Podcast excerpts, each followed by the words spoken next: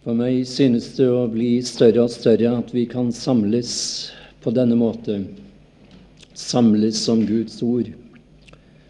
Og jeg må si det er godt en gang iblant å få sette seg ned og høre at ordet blir lest, og lytte til vitnesbyrd. Vi er allerede blitt ført inn i det himmelske i aften, og det var jo der vi skulle være.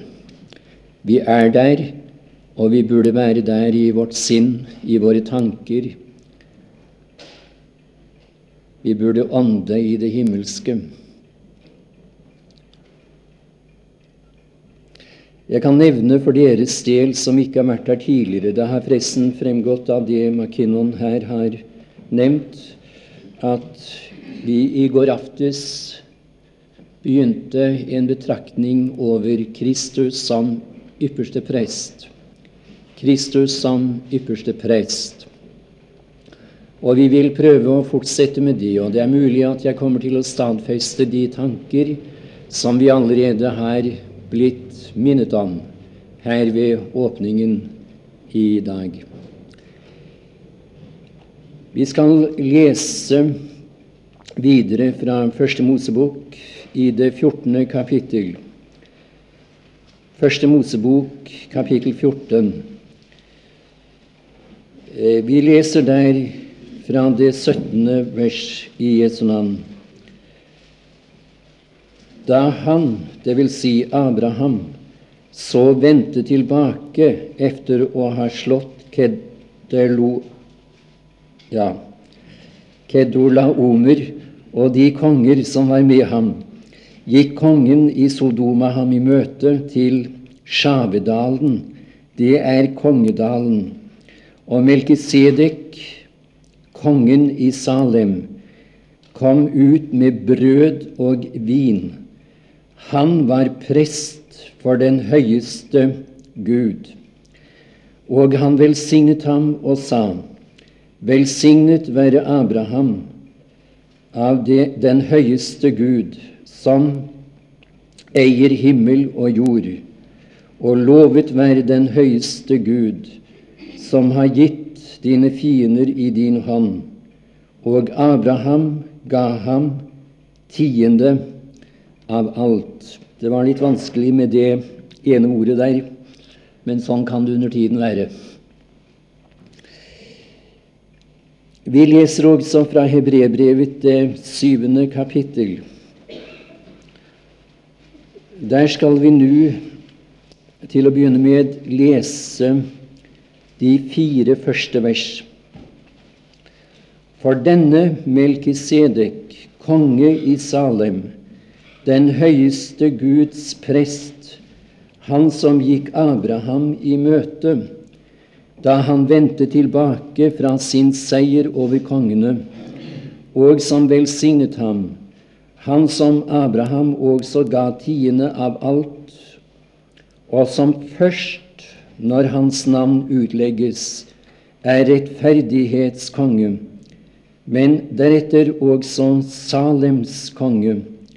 Det er fredskonge, som er uten far, uten mor, uten ettertavle, som verken har dages begynnelse eller livs ende, men er gjort lik med Guds sønn han blir prest for all tid. Og se hvor stor han er, denne som Abraham, patriarken, endog gav tiende av byttet. Amen. Jeg kan nevne bare ganske kort at vi i går aftes prøvde å se litt på at det er flere forbilder i Det gamle testamentet på Kristus som prest eller ypperste prest.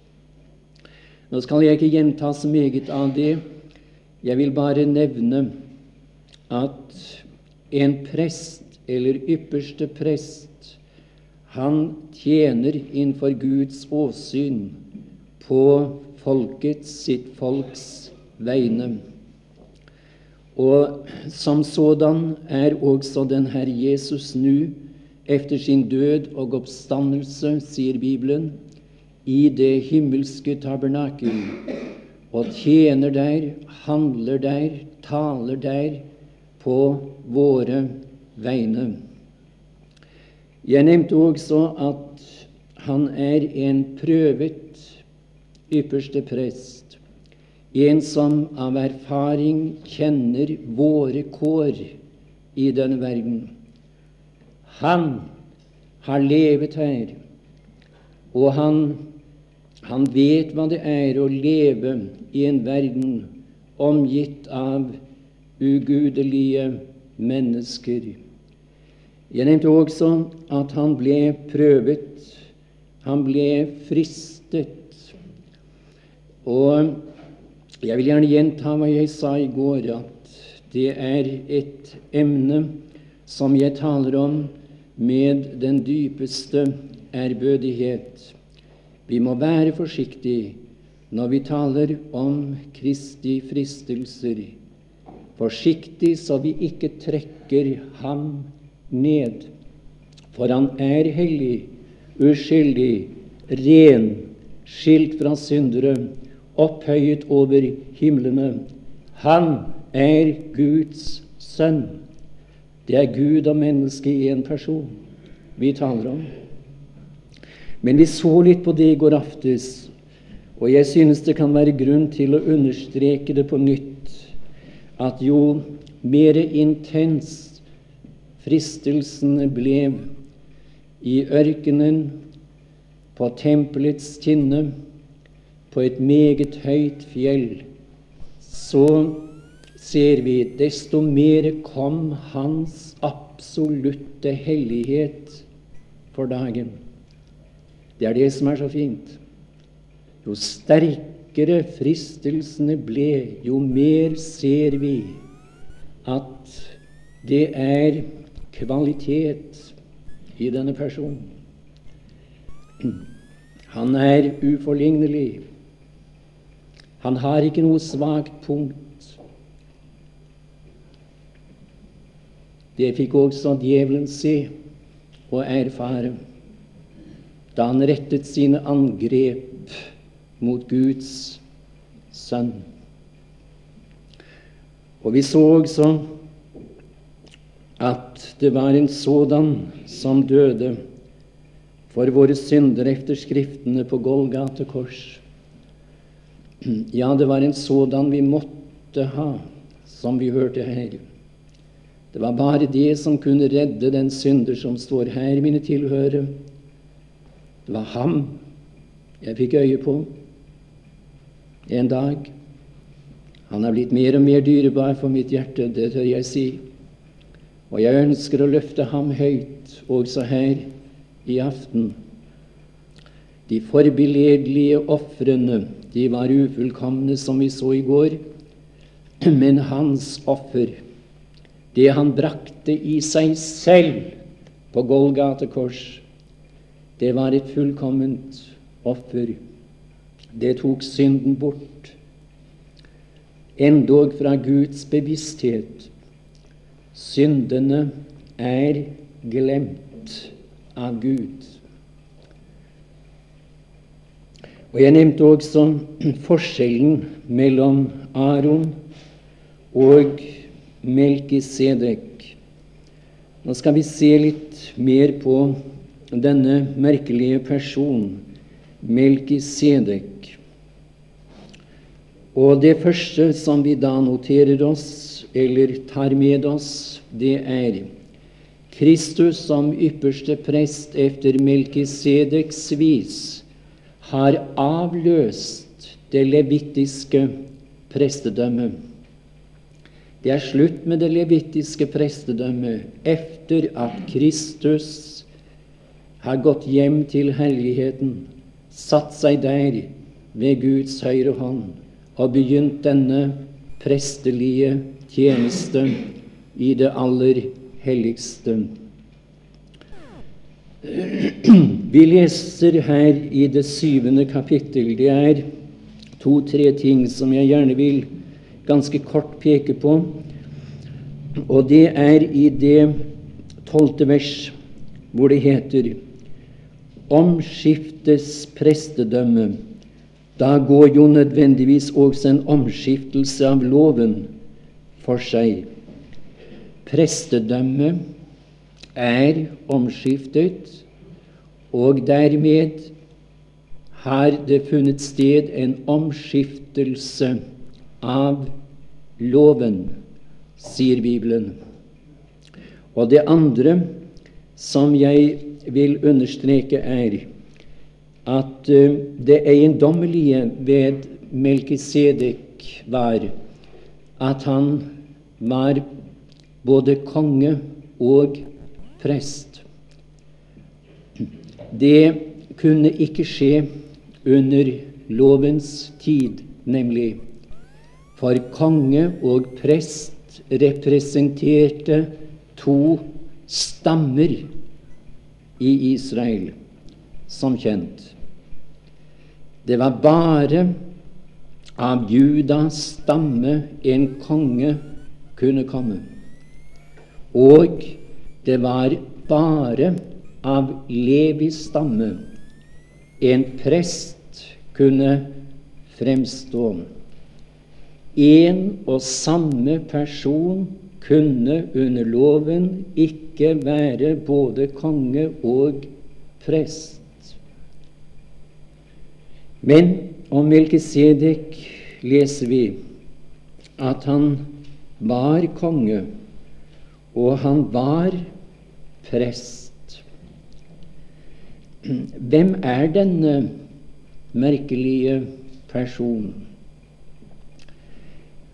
Jeg nevner forskjellige oppfatninger, og så skal vi prøve å se på det og bli stille for det ut fra Guds ord, dette spørsmålet Hvem var Melkisedek?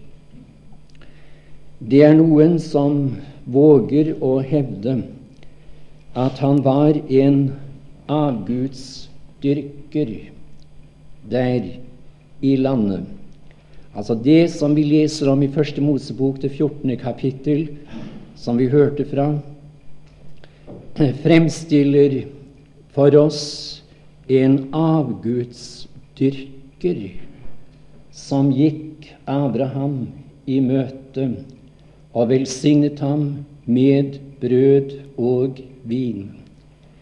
En skulle ikke tro det var mulig at folk som bekjenner seg som troende mennesker, ville kunne hevde noe sådant.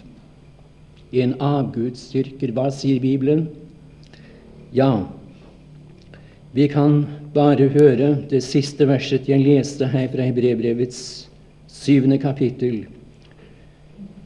Guds ånd sier her og se hvor stor han er. Og det kan ikke presiseres sterkt nok, mine tilhørere. Vi, vi, leste i går vi skal gi akt på denne ypperste prest, som, som Melkisedek er et klart forbilde på. Og her sies det Se hvor stor stor han er. Denne som Abraham, patriarken, endog gav tiende av byttet. Han var større enn Aron. Hør nå.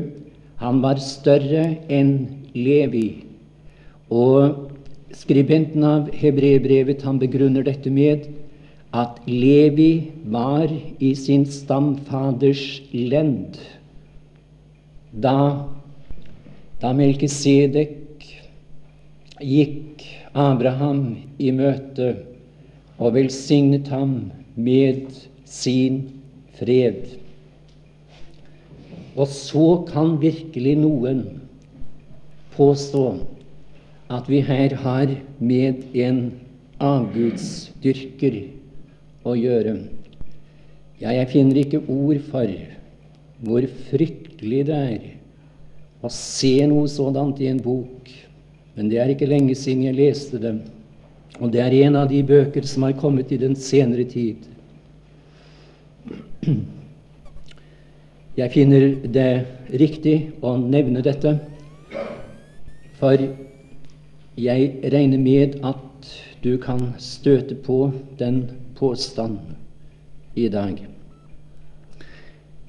Det er andre som, eh, som sier Melkisedek var en mystisk person.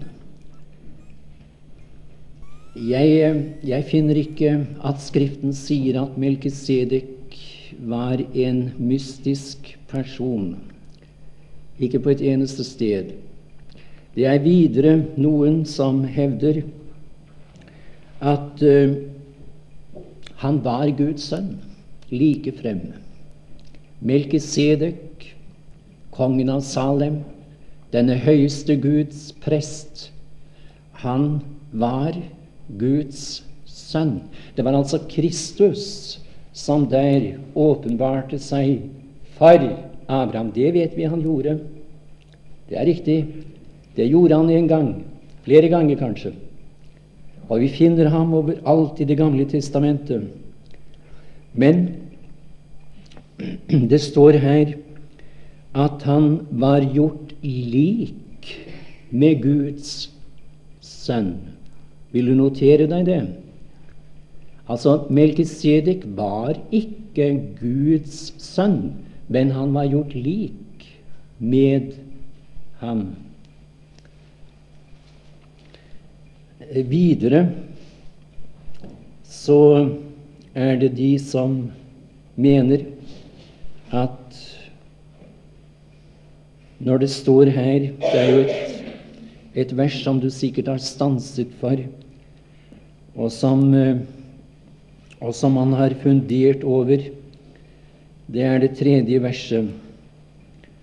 Det står om ham som er uten far, uten mor, uten ettertavle som verken har dagers begynnelse eller livs ende, men er gjort lik med Guds sønn.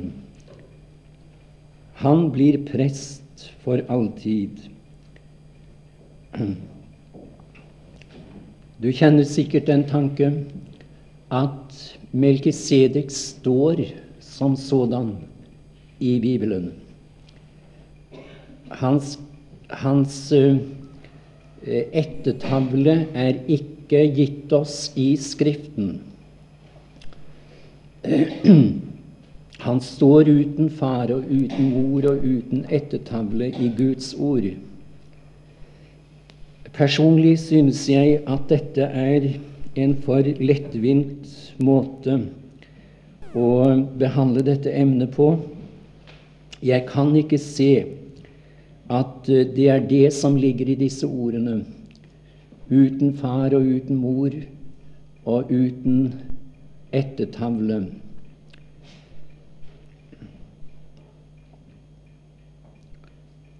Vi skal merke oss at det var som prest. Og jeg gjentar det ikke som menneske, altså. Som menneske er det klart at Melkisedek hadde dagers begynnelse og livs ende. Og han hadde far og mor som ethvert annet menneske. Men det var som prest, og så understreker jeg det, han ikke hadde dagers begynnelse og livs ende.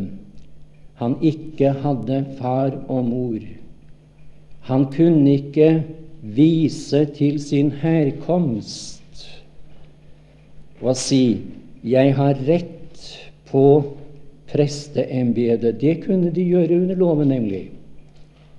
Og de måtte gjøre det for å bli godkjent som prest eller ypperste prest under loven.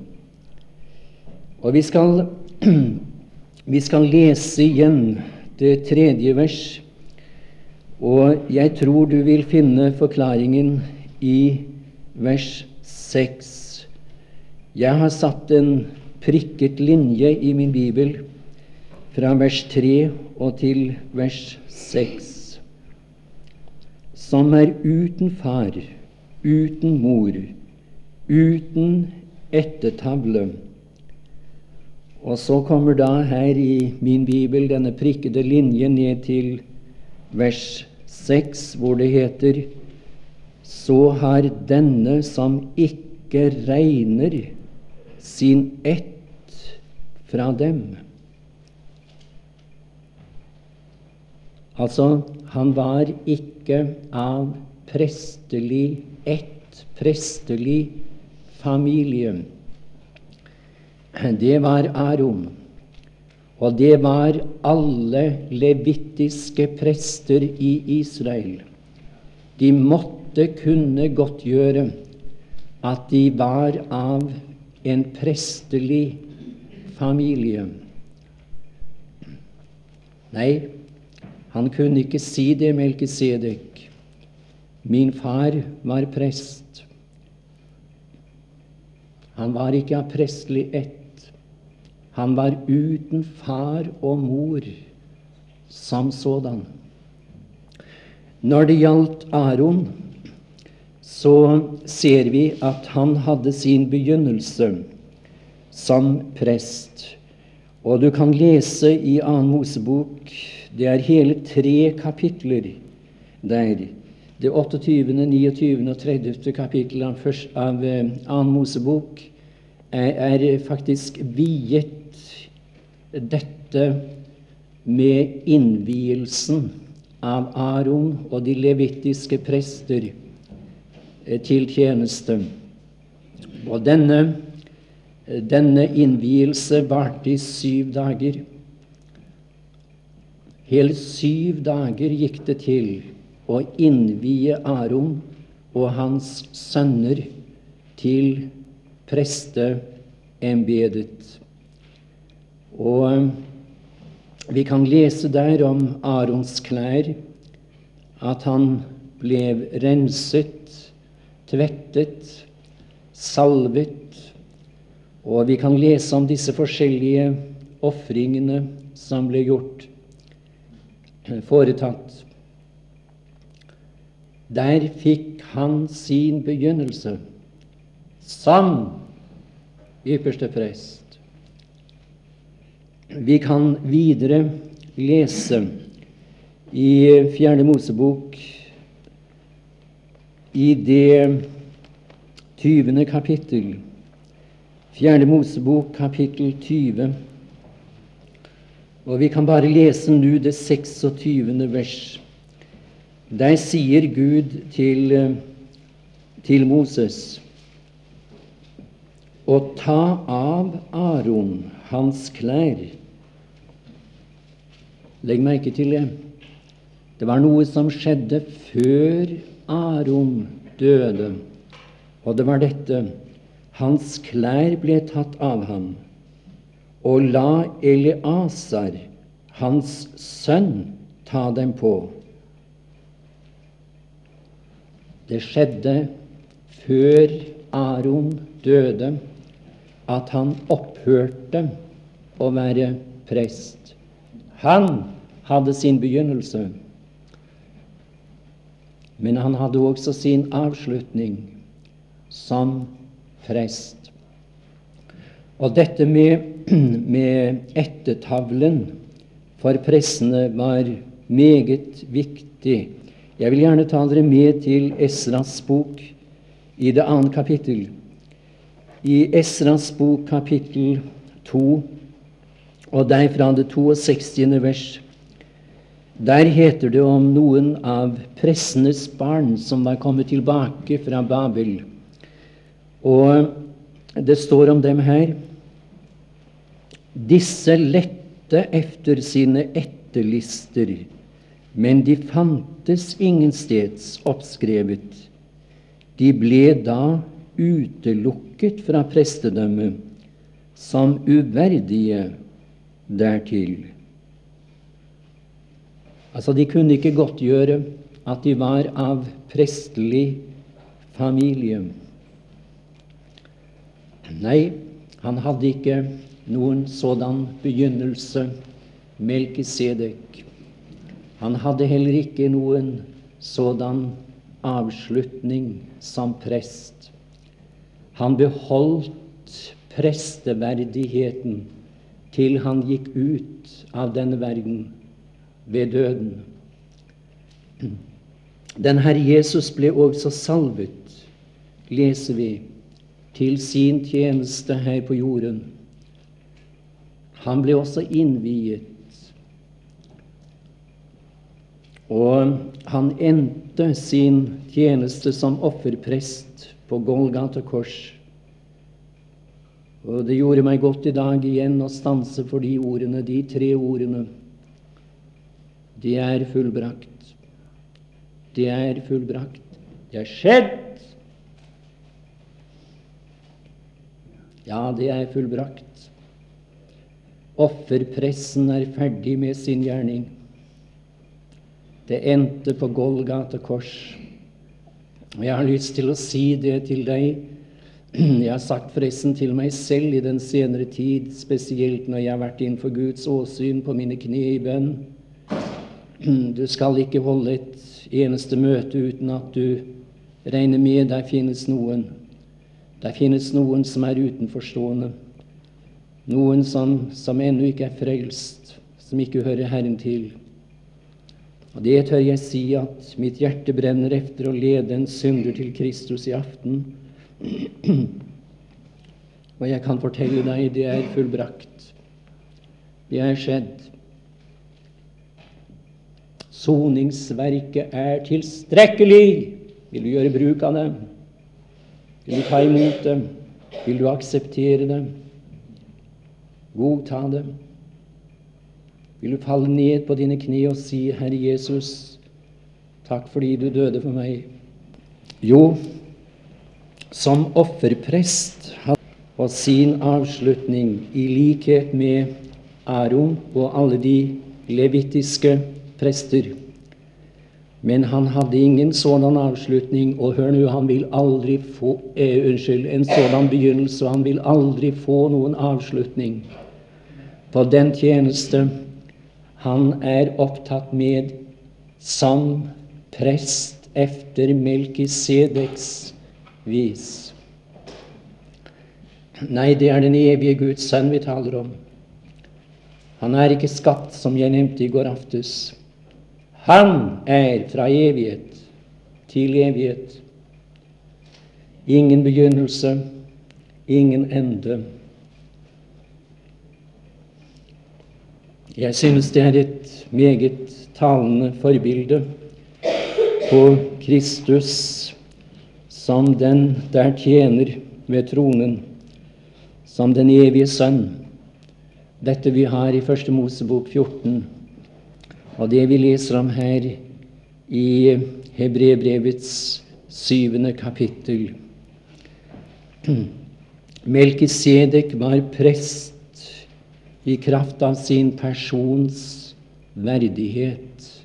Det er også Kristus. Og Vi kan bare lese litt igjen her. Vi tar med fra det tolvte vers, altså i det syvende kapittel i Hebrebrevet. Omskiftes prestedømme. Da går jo nødvendigvis også eh, for seg en omskiftelse av loven. For han som dette sies om, hørte til en annen stamme, hvorav hvorav ingen har tatt vare på alteret. Det er jo kjent nok at Vår Herre er opprundet av Juda, og til denne stamme har Moses ikke talt noe om prester. Og enn mer klart er det når det oppstår en annen prest efter Melkisedeks vis, som ikke er blitt det ifølge et kjødelig buds lov, men ifølge et uforgjengelig livs kraft. Jo, han er prest efter Melkisedeks vis, den Herre Jesus. Det er et uh, meget talende, fint bilde vi har her i Første Mosebok, det 14. kapittel. Abraham hadde vunnet seier over kongene. Og så kommer denne, denne Melkisedek og styrker ham. Eh, for det første altså, så tenker jeg på når vi har opplevd, kanskje på en spesiell måte, seier i vårt liv. Da, da kan også nederlaget være nær for døren. Jeg tror ikke at vi er fremmed for den tanken. Da er det godt å bli styrket av den himmelske Melkisedek. Da er det godt å ha kontakt med ham. Da er det godt når han gir meg brød og vin gjennom denne boken. Jeg trenger det. Du trenger det. Det er fint. Men en dag, sier Bibelen, skal eh, Abrahams efterkommere bli styrket når eh, Herren har gitt dem seier over kongene. Bibelen forteller at Israel skal bli angrepet fra nord og syd, fra øst og vest og det vil finne sted et stort slag i eh, Israel. Jeg tror ikke det er, det er lenge igjen. Og er det ikke lenge igjen til det, så vet jeg at det kan ikke, det kan ikke være lenge før jeg møter personlig min Melkisedek i lufthimmelen, når han kommer for å rykke oss opp. Men hør nå. Når, når eh, når Israel der ved Herren har fått seier over kongene, for de skal seire. Du behøver ikke frykte for det. Du behøver ikke frykte for at de ikke skal komme igjennom det hele. Hele Israel skal bli frelst. Fra Sion skal redningsmannen komme, heter det i Romerbrevet, 8, eh, Romerbrevet 11. Da skal Melkisedek komme for å styrke Israel, gi dem brød og vin, føre dem inn i det tusenårige fredsriket. Og jeg ber dere legge merke til at Melkisedek var først rettferdighetskonge, og dernest, står det, vi må, vi må ikke snu dette på hodet. Vi har så lett for å gjøre det, nemlig. Men her står i det annet vers, Hebrevbrev 7, som vi leste Han som Abraham også gav tiende av alt, og som først, når hans navn utlegges, er rettferdighetskonge, men dernest også Salems konge det er freds konge. Først rettferdighet, så fred. Det er rekkefølgen, ikke omvendt. Der skal en dag bli fred. Når uh, den Herre Jesus kommer fra, fra Salem eller fra det himmelske Jerusalem, man mener at Salem er Jerusalem, er identisk med, med byen Jerusalem, som er Israels hovedstad i dag. Og når han kommer, da skal han herske i rettferdighet. Og det er det som mangler verden i dag. Det er en som kan regjere, herske, styre i rettferdighet. Den dagen vi får en sådan hersker over denne jord, da vil det bli fred. Da vil det bli fred mellom nasjonene. Det er denne glansperiode som begynner når Melkisedek, som er konge og prest, oppretter sitt fredsrike her. Skal det bli fred?